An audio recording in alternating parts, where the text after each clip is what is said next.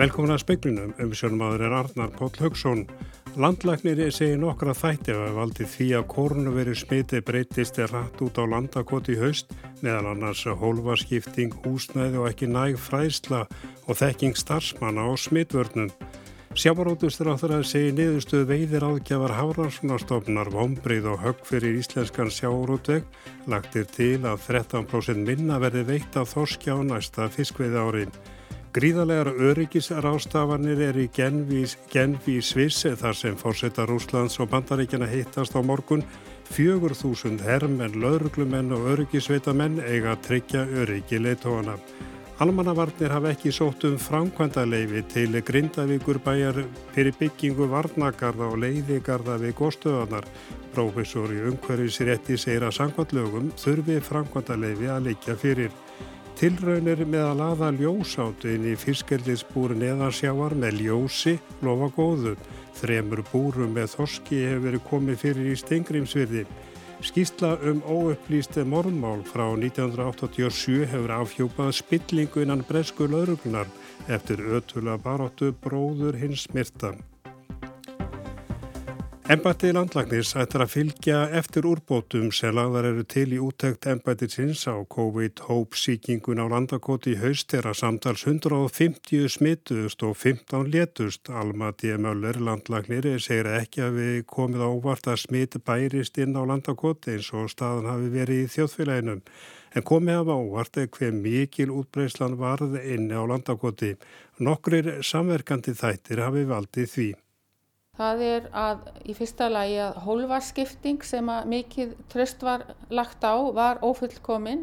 Nú síðan var fræðsla til starfsfólk og þekking þess á ýmsum þáttum smittvarna kannski ekki eins góð og æskilegt hefði verið og síðan auðvitað vitum við að húsnæðið vinnur ekki með okkur í faraldri en það var auðvitað þekkt stærð og þess vegna var svo mikilvægt að byggja á öðrum þáttum. Og það líka gera aðtóðsamt við að það voru fá síni tekin bæði frá sjúklingum og starfsmönnum þarna daga eða vikurnar á undan er þetta einhver brotalum þarna í stjórnum? Það er ekki gott að segja en eins og ég segi það var mjög margt búið að gera en það skorti kannski á eftirlit með að mikilvægum ferlum væri fyllt og ég held að þetta sé sóknarfæri mjög víða í heilbyrðiskerfinu. Það er bóðið upp á námskeið, það eru gefnar út leiðbenningar en það vantar að ganga eftir því að fólk virkilega fylgi þeim og sæki námskeiðin. Hvað ætlaði svo að gera? Þetta er ansakað sem alvarlegt atvik og við fylgjum skýslinu eftir og síðan higgjast við þá uh, fylgja því eftir að það sé grepið til þeirra úrbóta sem okkur finnst og auðvitað eigum við það í samtali við landsbytala. Sagði Alamatíð Möller í vitali við Þórtísi Arljósdóttur. Sjávaróðursráðara likur nú yfir veiðir áðgjöfa hafrarsóknarstofnar fyrir næsta fiskviði tíabil. Lagt er til að aflamarki í Þorski verði tæplega 223.000 tonn sem er samdráttur upp á 13%. Að móti kemur að veiðir áðgjöf fyrir Ísu, Síld og Gráluðu, Hækkar og Áður hafi verið gefin út aukning í lónum. Enga síður nefnur heildara ráðgjöfin samdrætti þorsk í gilda sem nefnur 5%. Kristján Þór Júliusson er sjávarútisráðra, segir að þetta sé högg fyrir útgerðina. Já, það er vonbreiði eðlega því að við höfum all tilneingu til þess að ætlast til þess að, að hlutininn vaksi ár frá ári en, en, en nýting á fiskistofnum er lengri tíma markmið og eins og fórstjóri Hafró hefur bent á að þá hefur stofnin aldrei verið stærri í 40 ár þannig að með einhverjum ætti hefur okkur miðað fram en, en já, það eru vonbreiði þegar við fáum svona bakslag.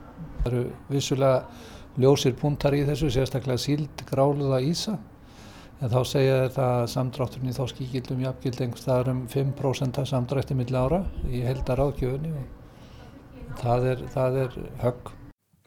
Segir Kristján Þóri Júliusson, Magnús Geir Ejjálsson rætti við hann. Gríðarlegar öryggisrástafanir er í genn við Sviss vegna fundar fórsita Rúslands og bandaríkjana á morgun. Flugbann er yfir borginni og genfar, genfarsvats hafa verið girtir af. Fjögur þúsund herrmenn, öryggisveitarmenn og lauruglumenn hafa verið kallaðir út til að gæta öryggis Joe Bidens bandaríkjaforsetta og Vladimir Putins forsetta Rúslands meðan áttu völd þeirra í borginni stendur. 95% laurugluliðsins í Genf verða á vakt. Á herrflugöllum verða herrþótur og þyrllur mannaðar. Lauruglubátar er á ferð á Genfarvatni til að sjá til þess að engir óviðkomandi sigli þar um. Fraklandsmegin landamærana er lauruglan einni viðbröðstöðu ef eitthvað fer úr skeiðis. Fundarstaður fórsetana, höllin Lagrange, hefur verið girt af á samt grasflötunum í kring. Ofan á girðingunum eru tveir kílómetrar af gattavýr. Hótelin í Genf, þar sem fórsetarnir er gistað, hafa einnig verið girt af og öll umferði grend við þau verið stöðvuð.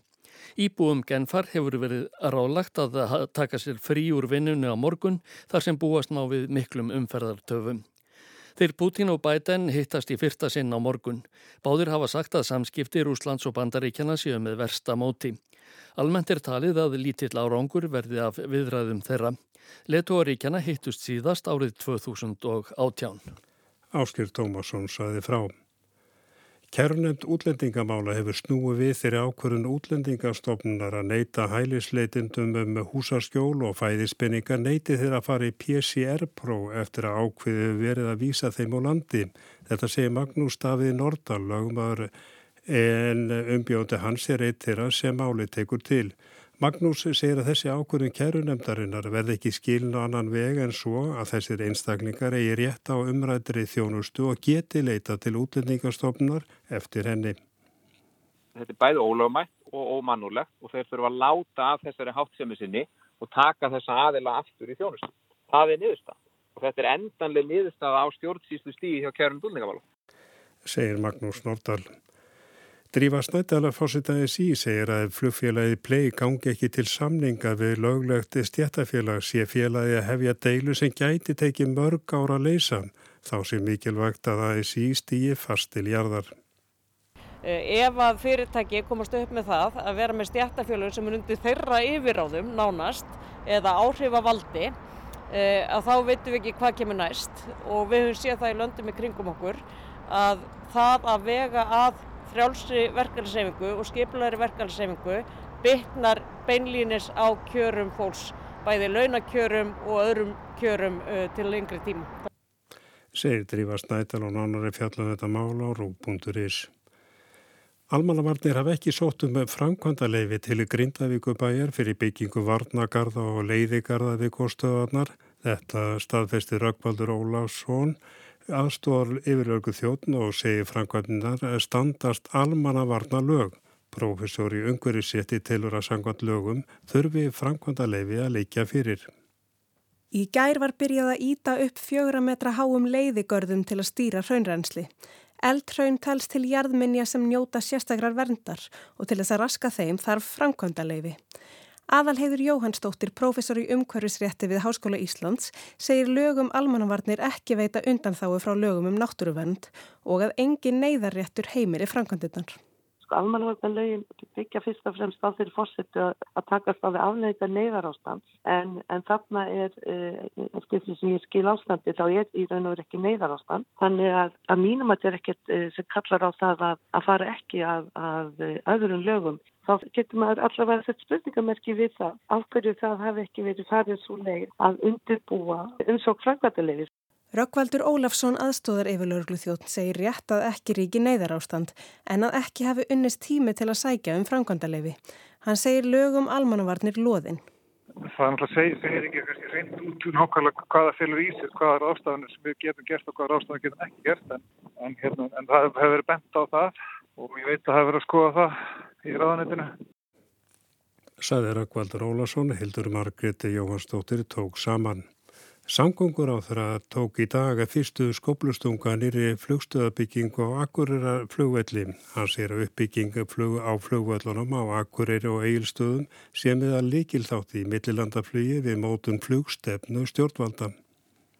Stækkun flugstöðvar og nýtt flughlað á Akureyrar flugvelli á samt Akbraut og flughlað á Ístæðar flugvelli var hluti af sérstökum efnahags aðgerðum ríkistjórnarinnar vegna faraldursins. 1100 fermetra viðbygging við flugstöðun á Akureyri verið búin út fyrir mánaðamót í kjölfar útbóðs á neðra burðalagi flughlaðs.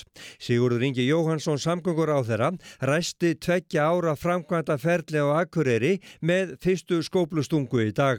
Þetta er full fjármagnað og uh, það er komin bara framkvæmda áallun sem stendur þá yfir næstu 24 mánuði og hér eftir 2 ár verður þá bara komin glæsileg ný flugstöð með betra flugleði. Malbygg á flugbrautinu á Ístaflugullu verður endun í eði sumar á samt axtusleiðin á flughlað.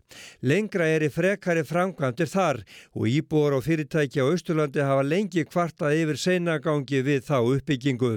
Við erum semst að vinna eiginlega framgangi flugstefnu sem er þá orðið hluti af samgangáallun og þar inni er semst ennfrekar uppbygging á eilstöðum, það er að segja uppbygging á akbraut og flughlaði. Það er verkefni sem krefst svona ákveðna breytinga á skipulagi og hönnun er ekki eins komin eins langt. Þannig að eftir svona þrjú, fjögur ár getur ferðið hillundi það. Þetta var Sigur Ríki Jóhansson, Ágúst Ólarsson talaði við hann. Fjarðabeiti gæti orðið ný tegundu fiskeldis á Íslandi. Hún er fólkin í því að nota ljós í neðarsjáarbúrum til að laða það ljósátu sem fæðir þoskin í búranum. Rannsóknir standa yfir í stengrinsfyrði. Sjávarælifræðingur segir að árangurinn lofi góð og að hann hafi komið þægilega óvart. Þá voru hugmyndur um að nota sömu tækni til að tæla þorsk segði inn í búr og alaðu þar. Fyrirtæki Ocean Ökofarm EHF stendur á þessum rannsóknum. Stæðstu hluthafar eru norska fyrirtæki Brage Innovation og Ísfélag Vesmanæja. Speilin sagði frá því fyrir tæpum tveimur árum að tækni hins ófrínilega djúb sjáar fisks Lucifers gæti valdi byltingu í fiskeldi. Tækninni fælst í því að laða ljósátu að ljósi eins og Lucifer gerir. Verkefnið hefur verið í undirbúningi nokkurnu tíma tilrunu hófust í februari stengrinsferði úti fyrir Drangsnesi þar sem komið var fyrir þremur búrum með þorski í á 30 metra dýpi.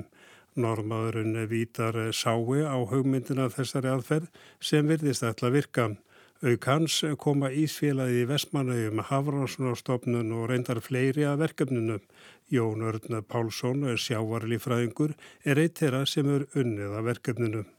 Við erum að kanna tilgáttuna um það hvort að neðasjáaljós sem er sér hannað og sjálfbært í sjó, það er orkulega sjálfbært, það er hannað af, af norsku fyrirtæki í Bergen og kannan hvort að það laðar að ljós áti í nægilegu magni til þess að vera fæða fyrir þorsk sem er í, sem erum búin að setja í búr sem eru neðasjávar á 30 metrum og veitum síðan fisk sem við merkjum og fylgjast með vextunum á. Nú erum við búin að rekka þetta núna í, í, í þrjá mánuði og þetta er lofandi gögn sem við erum að fá. Í nottskurna laðar ljósið ljósátuna inn í búrin þar sem þoskur sem er í þeim gæði sér á þeim. Ljósið er hannað af norsku fyrirtæki í Bergen. Sett voru niður þrjú búr, tvö þeirra voru með ljós en eitt ekki. Eftir sex vikur komi ljósa fiskurinn í ljóslösa búrinu var ekki með ljós átt í maganum og var ekki að vaksa mikið. En í hinnubúrinu var hann fulla ljósáttu og hafi vaksið talsvert.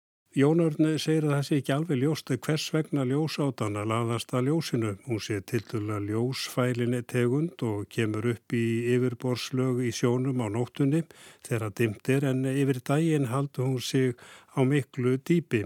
Í landelgi Íslands finnast fjórar tegundur á ljósátum, þrjár haldar sér meira úti fyrir ströndinni en einn sérstaklega í djúpum fjörðum. Ljósáttan Akka heldur síði stengrinsfyrði og líka til dæmis í Ísafærjadjúpi þar sem talsverða rannsóknir voru gerðar á ljósátu fyrir 20 árum. Þetta er vistvæn aðferð að við teljum að, að þarna eru, eru auðlindir sem að, sem að má nýta mun betur í landtíki Íslands en, en áður hefur verið gert. Hann segir að verkefnið að rannsóknir sé unnin í samvenni við Hafrannsóknarstofnun Rannsóknir sína að við Íslandstrendur sé að minnstakosti 5 miljónir tonna af ljósátum sem sé reyndar mjög varleg tala. Áallad sé að fyrir Norðar Ísland í Norska hafin og Barentshafi séum 300 miljónir tonna af ljósátum. Það segir að ljósátan sé mikilvæg fæða fyrir skýðiskvali og líka fyrir fisk ungviði upp að ákveðnum aldri. Ímsar aðra tegundur í etta ljósátum. Liður í verkefninu er að kanna vistefræðilega áhrif en hvað með mengun frá þessu eldi sem gengur undir nafninu fjarðabeit? Jón Örnir segir að það sé ekki verið að bæta neinum næringarefnum inn í vistkerfið.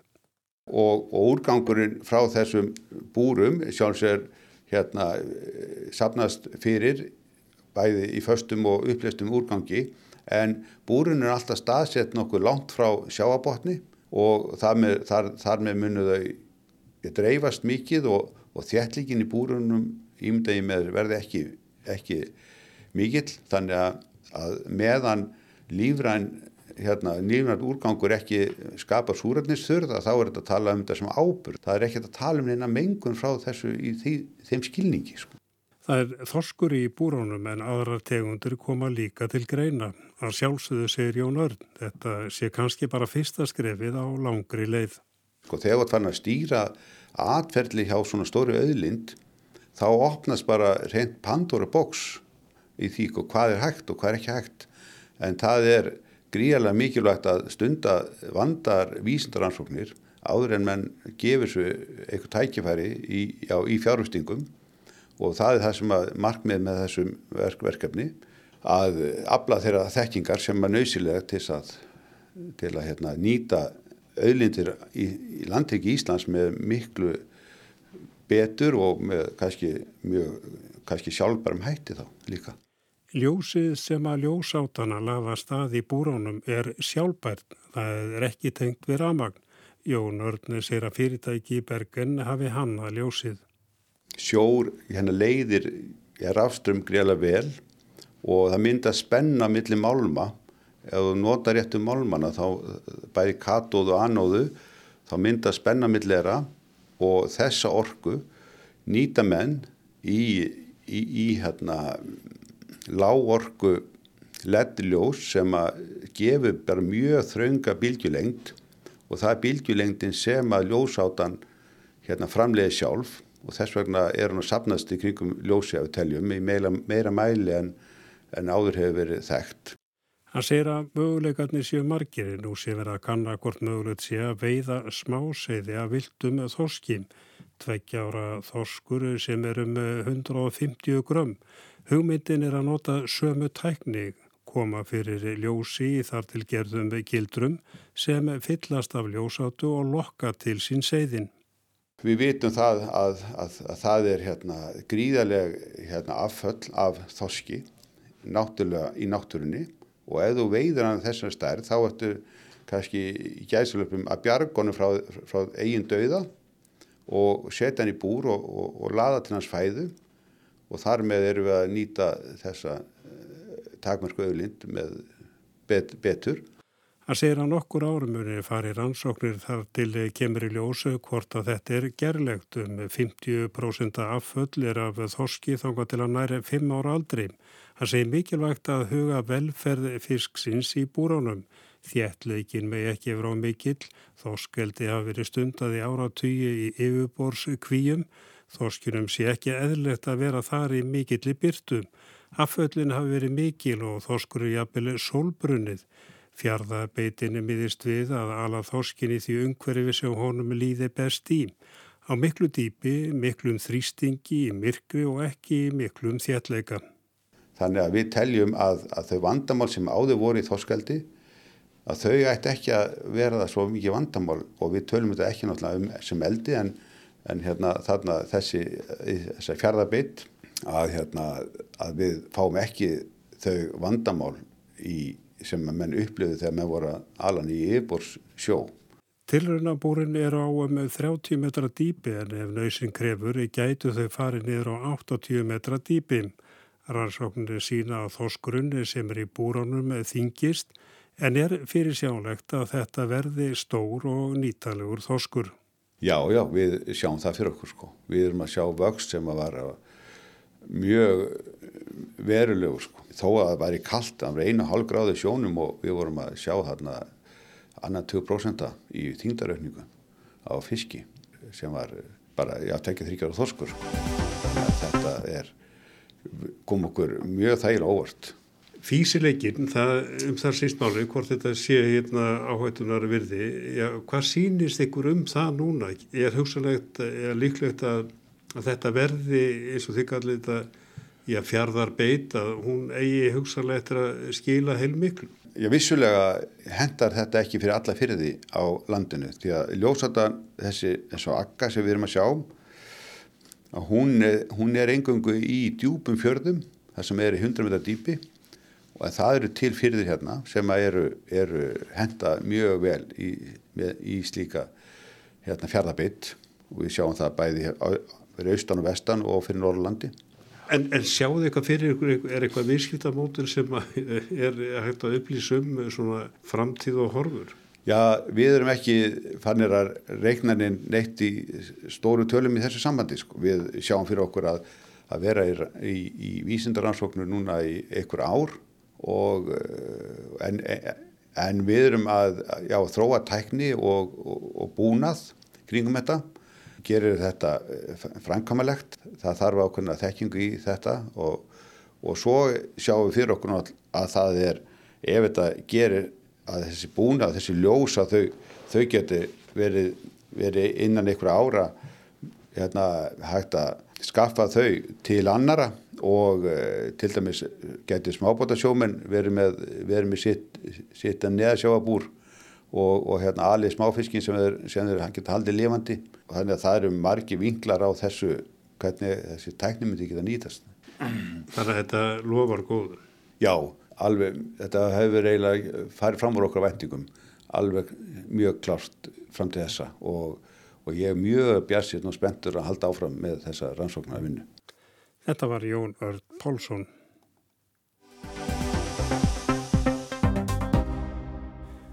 Skömmu eftir morði og enga spæjaránum Daniel Morgan 1987 fór fjörskilda hans að hafa áhugjur af morðrannsókninni.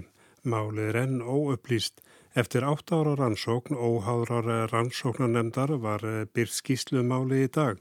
Niðurstan er að kerfisleg spilling í lauruglunni hafi hindrað framganga réttvísinar og meðal annars byrst í tengstum lauruglunar við fjölmennaveldi Rúbert, Rúbert Murdochs.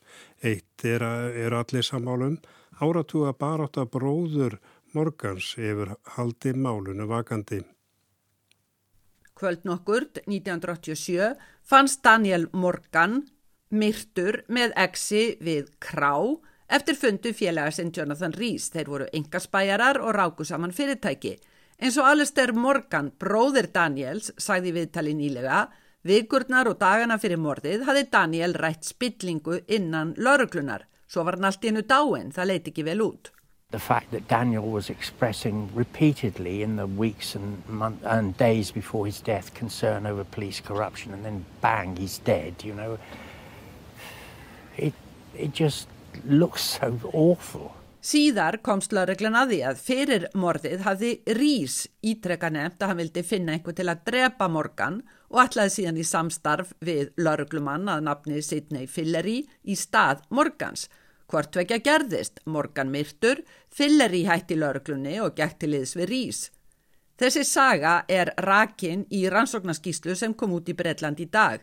Theresa May, þá innaríkisráð þeirra, skipaði fimm manna óháða rannsóknarnemn 2013, ekki síst vegna baráttu Alistair Morgans, formaður hennar er Nuola O'Lone. Vinnan átt að taka ár en tók átt ár, meðal annars að því höfuborgarlauruglan síndi lítinn samstarfsvilja. Skýrslan er upp á rúmar 1200 blæðsíður, já efnið er 34 ára gamalt mormál en sagan engin fordsaga. Vittni sem nefndin aðeins samband við neituð að ræða við hana af óta við hendaraðgerðir. Þegar Ólón kynnti niðurstöðurnar í dag sagði hún höfuborgar laurugluna algjörlega hafa brugðist fjölskyldu Morgans og rannsóknin markast af spillingu. Lauruglan hafi af óheiðarleika falið mistök eða afneita þeim, engöngu til að vernda ímynd sína. This constitutes a form of institutional corruption. Þetta er kerfisbundin spilling, sagði O'Lone. Ímislegt í rannsóknmálsins hafi ekki verið yfirsjónir, heldur meðvitaðar ákvarðanir. Spillingin var augljós frá upphafi, sjálf morðrannsóknin röð mistaka. Það skrifast einnig á reikning spillingar að þráttur í fjórar laurugluransóknir og fleiri rannsóknir hefur enginn verið dæmdur fyrir morði þeir Rís og Fillerí voru ákjærðir á samt þremur öðrum en málinu á endanum vísa frá 2011. Verkefni nefndarinnar var að varpa ljósi á kringumstæður og rannsókn morsins. Nefndin kannadi mynda aðkomu lauruglu að morðinu hvernig spiltir lauruglumenn hefðu hindrað framgang réttvísinar og kannadeittning tengsl engaspæjara, lauruglumanna og bladamanna á miðlum fjölmila kongsins Rupert Murdochs, skipulögð glæpastarfsemi kemur einni við sögu. Alistair Morgan, bróðir Daniels, hefur margóft rætt þessi spiltu tengsl meðal annars í bók sem hann skrifaði á samt bladamannun Peter Dukes um morðið. Bókarefnið var einnig uppistaðan í afar áhugaverðu hlaðvarpi 2016 og 17 um sögun og ósögðu af morðinu á Daniel. Þáttur mördokmiðlana kemur meðal annars fram í frásögn skýslunar af því hvernig Fillery tók höndum saman við Alex Marunchak á News of the World til að hrella David Cook, lauruglumann sem um árabil hafði rannsakað morðið á Morgan. Eginkona Cooks, Jackie Hayes, var fyrrum lauruglukona, sáum frægasjónvarsþætti um óupplýst glæpamál og þar tók hún mál Morgans upp. Fillery og Marunchak sendu hjónunum naflösar hótanir og létu elda þau svo þau óttuðust um lífsitt og fjölskyldu sinnar. Í skýslunni segir að það hefur verið hagsmunir þeirra Fillerys og Rís að hindra rannsókn Cooks. Í viðtal í dag sagði Alistair Morgan að hann vissi af eigin raun að spilling hamlaði morðrannsókninni. Af lagalegum ástæðum geta hann ekki farið út í smáatriði en hann vissi þetta að því hann hefði orðið vittni að spillingunni. I know from my own experience that there was corruption in that investigation. Um, I can't go into detail for legal reasons, but I know it because I witnessed it. En hvers konar spilling telur nefndina hafi verið innan lauruglunar? Fyrir utan þetta að hindra rannsókn mormálsins svarar nefndin því ekki nákvæmlega bendir á að lauruglumenn geti til dæmis hagnast á spillingu með ímsum hætti. Samkrull fjölmiðla og spiltra lauruglumanna er ekki ný saga í Breitlandi. Rupert Murdoch lokaði síðdegisblæðinu News of the World 2011 vegna ólöglegra starfshátta sem nokkrir voru líka dæmtir í fangelsi fyrir. Í þingjun í dag nýtti Priti Patel innaríkisráð þeirra á niðurstöðu nefndarinnar laurugluspilling gengi gegn öllu sem bresk löggæsla ætti að vera. Police corruption is a betrayal of everything policing stands for in this country og Lón hefur gaggrínt Patel fyrir að hafa frestað útgáðu skýslunar. Cressida Dick, yfirmaður höfuborga lauruglunar, hefur byggðist afsökunar. En þar sem lauruglan síndi nefndinni lítinn samstarfsvilja er spurning hvort afsökun er nóg. Sigrun Davíðstóttir saði frá og við lítum til veðus austan og norðaustan 5-13 metrar á sekund en 13 til 18 með suðaustustrundinni, skíja með köplum og yfirleitt þurft en rigning af og til um landið suðaustanvert og stöku skúrir eða jél norðaustan til. Og norðaustan 8-15 metrar á sekund á morgun um minkandi rigningi suðaustalands skúrir eða slittu jél á norðausturlandi. En annars bjart með köplum híti frá þremur stigum í einsveitum norðaustalands upp í 11 stig suðvestan til Og við sögðum frá því í speknum við kvöld að landlagnir segir nokkra þætti hafa valdið því að kórnuveri smiti breytist rætt út á landakoti haust, meðal annars hólfaskipting, húsnæði og ekki næg fræðslá þekking starfsmanna og smittvörnum. Sjáarútistráður að segja niðurstuðu veiðir áðgjafar hafrarsvarstofnar, vonbreyði og högg fyrir íslenskan sjáarútveg. Lagt er til að 13% minna verði veitt á þorskjá næsta fiskveiði ári. Gríðarlegar öryggisrástafanir eru í Genf í Sviss þar sem fórseta Rúslands og bandarækjana hittast á morgun. Fjögur þúsund herrmenn, lauruglumenn og öryggisveitamenn eiga tryggja öryggi í leittóana. og almannavarnir hafa ekki sótt um frangvandaleifi til Grindavíkubæjar fyrir byggingu varnagarða og leiðigarða við góðstöðanar. Prófessor í umhverjusrétti segir að sangvandlögum þurfi frangvandaleifi að leikja fyrir og tilunum með að laða ljósátun í fiskeldisbúrniðarsjáar með ljósil og á góðum, þremur búrum með þorski hefur verið komið fyrir í stengrisfyrði. Tæknumari kvöld var Davíð Bernsen, spegnum með loki, verið sæl.